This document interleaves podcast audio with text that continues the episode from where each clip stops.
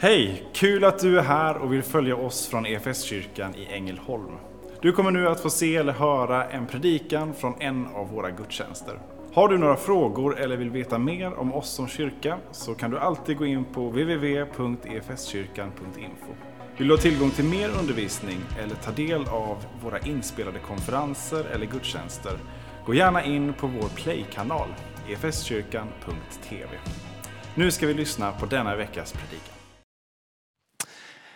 Eh, jag vet inte om du är känd. Jag testade detta på några människor här i veckan och eh, någon responderar på det här känner jag igen och någon sa nej det känner jag inte alls igen. Jag ska inte peka ut någon. Men jag ställer frågan retoriskt till er här nu.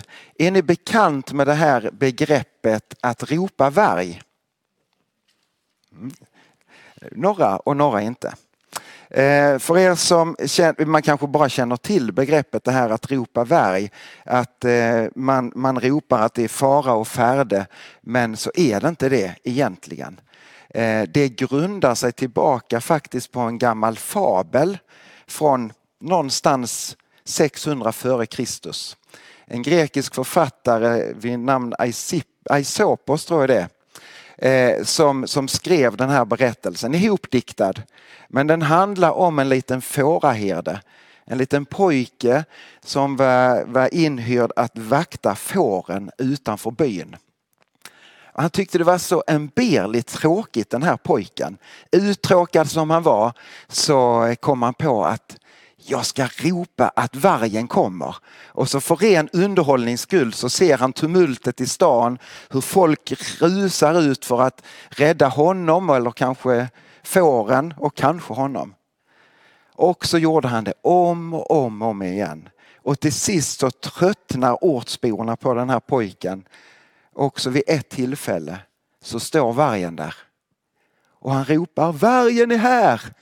Och ingen kommer till hans undsättning. Och fåren far illa och han stryker med. Och eh, sensmoralen i den här berättelsen är väl denna ganska självklara att den som far med osanning blir till sist inte trodd även när sanningen kommer fram.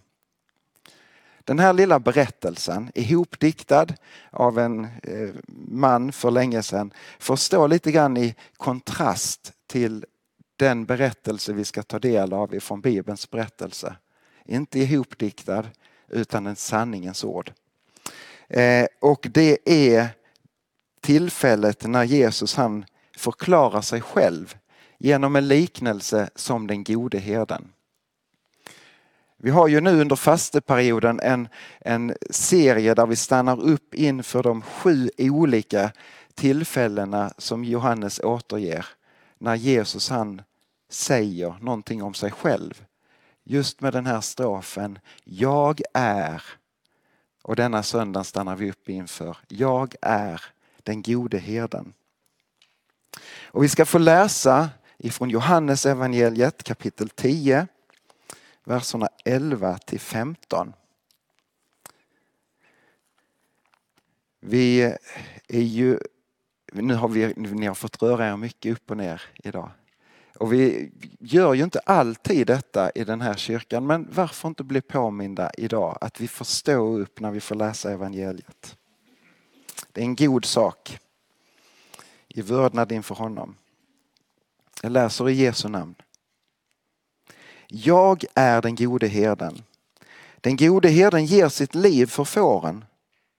Den som är lejd och inte är herde och inte äger fåren, han överger fåren och flyr när han ser vargen komma. Och vargen river dem och skingrar jorden. Han är ju lejd och bryr sig inte om fåren. Jag är den gode herden och jag känner mina får och de känner mig. Liksom fadern känner mig och jag känner fadern. Och jag ger mitt liv för fåren. Så lyder det heliga evangeliet. Lovad vare du Kristus. Varsågod och sitt. Jag är den gode herden, säger Jesus. Eh, när Jesus han uttrycker de här jag är-orden så är det med en tydlig anspelning till någonting som har hänt långt, långt, långt tidigare. När Mose som hade sett sitt folk lida och han flydde efter att han hade bragt en egyptisk soldat om livet. Så flydde han ut i öknen, mötte en, får, en, fåra, en, en ägare till en massa får, prästen Jetro. Och så går han in i uppgiften just som herde. Lite grann på flykt ifrån det som kanske var, han hade en aning över vad som var hans uppdrag. Han levde där som herde eh, rätt så många år och så vid ett tillfälle när han är ute och, och vallar fåren för att hitta ett gott bete till, till dem så får han se den där busken som har börjat brinna men som inte brinner upp. Och, och han blir liksom, vad är detta? Och han förstår att oj, här, detta är en helig plats. Detta är, en, detta är inte bara en brinnande buske. Han tar av sig skorna, går fram till den här busken och får komma i ett samtal med den levande sanna guden. Gud uppenbarar sig för Mose i den här brinnande busken. Och så ger Gud Mose det här uppdraget att gå tillbaka till farao och konfrontera honom och säga du ska frige folket. För de ska gå ut och fira gudstjänst. Folket ska hålla gudstjänst inför mitt ansikte. Och Mose, ja, man skruvar lite på sig och så i alla fall så säger han så här till Gud.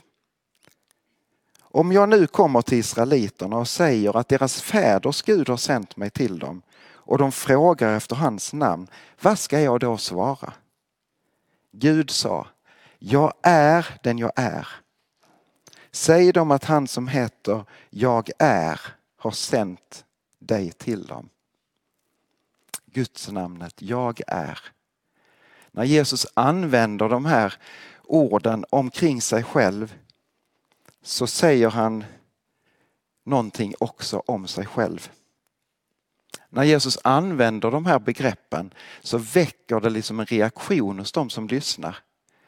Lite tidigare i Johannes evangeliet så kan vi läsa vid ett tillfälle där han uttrycker det här jag är. Och folkhopen som hör det, de är beredda på att stena honom. För att nej men, du hädar ju. Du uttalar Guds namnet över dig själv. Och så står Jesus vid det här tillfället och säger Jag är den gode herden. Gud är den gode herden. Och jag är den goda herden. Vad kännetecknar en god herde kan man ju fundera på. Där kan säkert vara många drag som, som vi kan ta fram. Men, men en herde behöver nog vara ganska stark. Helt klart osjälvisk och eh, hängiven sitt uppdrag. Med ett fokus på fåren att hitta bete, gott bete för fåren och att vara beredd att skydda dem. Skydda dem från rövare, skydda dem från, från vilda djur och så vidare. Och herden går där med sin, sin käpp och sin stav. Staven som ska fånga in och valla fåren och käppen som man ska använda för att skydda inte bara sig själv utan kanske främst skydda fåren. Den gode herden står i kontrast till den lejda herden. Vad säger, vi plockar fram orden från, från Johannes evangeliet igen. Den som är lejd och inte är herde och inte äger fåren, han överger fåren och flyr när han ser vargen komma. Och vargen river dem och skingrar jorden. Så är en dålig herde. Exemplet från fabeln men den gode herden står kvar när faran liksom är och färde. Och så säger Jesus också att den gode herden känner. Och där står det så här, detta är också ett ord att lägga märke till.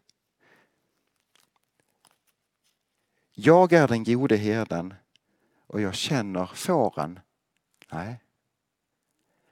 Jag är den gode herden och jag känner mina får. Jag känner mina får. Den bästa herden är den som äger fåren. För då vet man värdet av vad fåren betyder och den gode herden är beredd att satsa allt. Det är inte den lejda herden. Lite tidigare i den här berättelsen eller den här händelsesamtalet så säger Jesus också att jag är herden som står, jag är grindvakten. Och jag är den som samlar ihop fåren in i follan där de är skyddade och trygga. Och det är där jag för dem ut på bete från den här follan och jag kallar dem vid namn. Fåren känner igen min röst.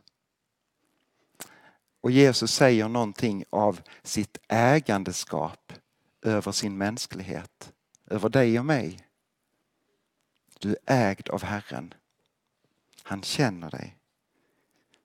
Tänk att, tänk att man får tänka så om sig själv. Att man är ett får som ingår i den där jorden. Med en herde som, som verkligen känner oss väldigt personligt. Så säger Jesus också så här. Jag är den gode herden och den goda herden ger sitt liv för fåren. Och lite längre fram så läste vi och jag ger mitt liv för fåren. Vi kommer alltid tillbaka till detta. Att Jesu död och uppståndelse, det är genom den som vi är räddade. Det är genom Jesu död och uppståndelse som ditt liv och mitt liv och varje människas liv får genomgå en total förvandling som stavas räddning från död till liv. Israels folk hade, har haft ledare, Mose var ju en av dem som faktiskt hade varit och agerat som herdar men som sen fick vara herde för folket. Kung David var ju också en sån, den lille herdepojken som var trogen sin tjänst och där Gud såg till hans villighet och hans hjärta och kallar honom att också vara en ledare och en herde för folket. Det var goda ledare, även om de också hade sina brister och utmaningar. Men Israels folk har också haft erfarenhet av många dåliga herdar och dåliga ledare. Och vi ska få ta del av också Guds ord genom profeten Hesekiel. Först så inleds kapitel 34 så här. Herrens ord kom till mig. Människa, profetera mot Israels herdar. Profetera och säg till dem, så säger Herren Gud om herdarna. Ve Israels herdar som bara vallar sig själva. Är det inte fåren som herdarna ska valla? Ni använder mjölken och gör kläder av ullen och slaktar de bästa djuren. Ni vallar inte fåren. Ni har inte hjälpt de svaga, inte botat de sjuka och inte förbundit de skadade. Ni har inte hämtat hem de bortsprungna, inte letat efter de vilsegångna. Och de starka fåren har ni behandlat hänsynslöst. Så ser Herren att folket får dåliga ledare och så kommer det profetiska ordet lite längre fram i kapitel 34 om att Gud själv ska vara vår herde. Från vers 11 och framåt. Så säger Herren Gud. Jag ska själv ta hand om mina får och vårda dem. Som eh, eh, herden vårdar sig om sin jord när han har sina får omkring sig.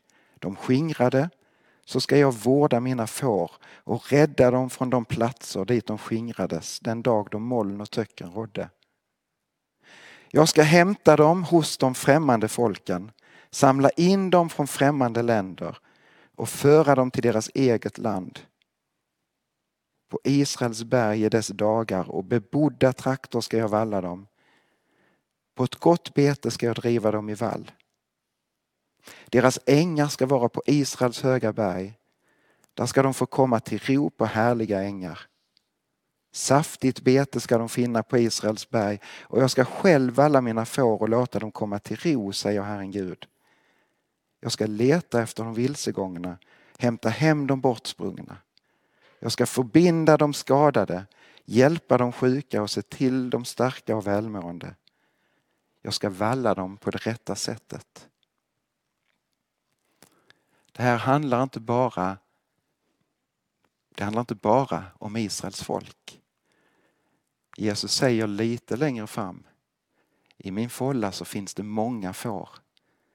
Det finns många rum i Herrens boning tänker på det du sa innan Annika, som vi bad för speciellt. Barn och unga i vår tid. Men inte bara barn och unga utan varje människa i det här landet är efterlängtade av den gode herden. Och han vill samla. Han vill återsamla. Tänk om vi skulle få vara med om en tid där också denna platsen kunde få vara en plats av ett stort återsamlande tillsammans med alla kyrkor i det här landet. Wow, Herren kan göra det. För han är den gode herden. Han är inte som den där uttråkade lille pojken i fabelns berättelse som ropar liksom vargen kommer för underhållningens skull. Nej, Jesus han talar sanning. Han medvetandegör oss om vargen. Den onde som är ute för att på något sätt lura oss bort ifrån Gud. Känns som han inte ger upp trots att det egentligen är ett hopplöst uppdrag. Den onde som vill riva och förgöra, som vill döda vår tro och vår tilltro till Gud. Som vill förskingra oss som folk, oss som kyrka. Men vi har en herde som inte ryggar för faran och liksom far iväg. Utan som är beredd att offra allt och ge sitt liv för sina får. Den onde, vet ni vad, han är totalt uddlös i och med Jesu död uppståndelse. Totalt uddlös. Vi lever i en tid av en, på något sätt en dubbelhet. Där vi har, ja, men den onde har fått något sprattelutrymme. Men han är besegrad genom Jesu död uppståndelse. Mm. Amen. När Jesus han dör på korset så dör han inte bara liksom så här oh, allmänt hela mänsklighetens synd. Han dör med din synd och dina tillkortakommande. Med mina. Men också för varje människa som trampar den här jorden. Den gode herden är beredd att ge sitt liv för fåren. Han dör inte bara med våra synder och vi dör inte bara tillsammans med honom utan vi får också uppstå tillsammans med honom. Och genom Jesu död uppståndelse så får vi vara med om det, den största förvandling man kan vara med om.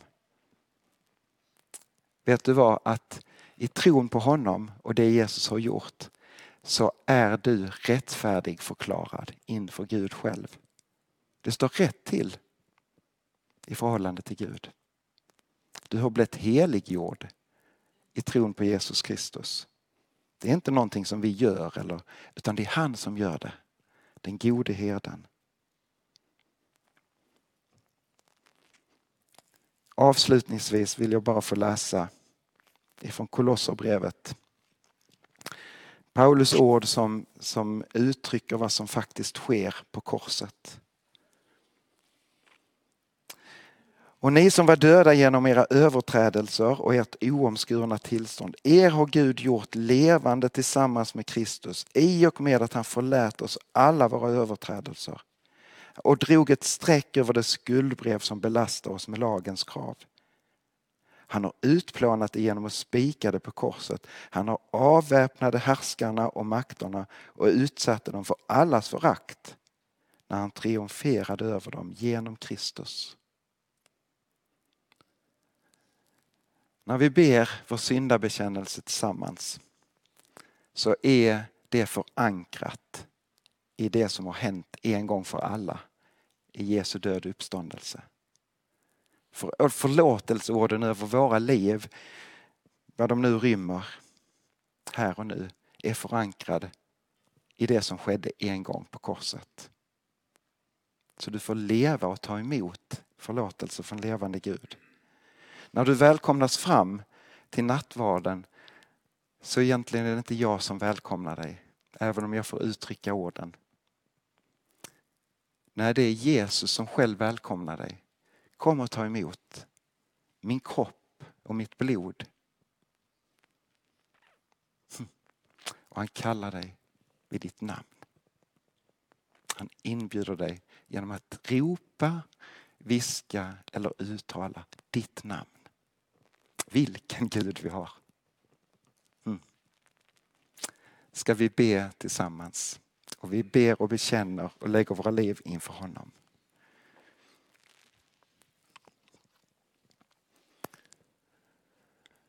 Jag bekänner inför dig helige Gud att jag ofta och på många sätt har syndat med tankar, ord och gärningar. Tänk på mig i barmhärtighet och förlåt mig för Jesu Kristi skull vad jag har brutit. Tack Herre att du här, nu hör varje hjärtas tysta bön och bekännelse.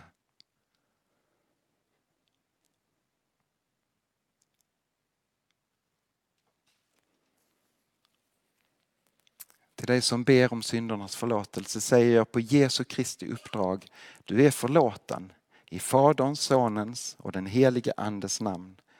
Amen. Vi tackar och ber. Gud vår Fader, tack för att vägen till dig alltid är öppen genom Jesus Kristus. Hjälp oss att leva i din förlåtelse. Stärk vår tro, öka vårt hopp och uppleva vår kärlek. Amen. Som kyrka är det en glädje att få spela en liten roll av allt Gud gör i och genom ditt liv. Vi vill gärna fortsätta följa dig på den resan. Och vill du ta reda på vad ditt nästa steg kan vara på din resa med Gud så gå in på efskyrkan.info nästa steg. Vår längtan är att få se människor och samhällen förvandlade av Jesus. Genom en kyrka som återspeglar Guds hjärta, bär varandra och betjänar människor varhelst vi befinner oss varje dag.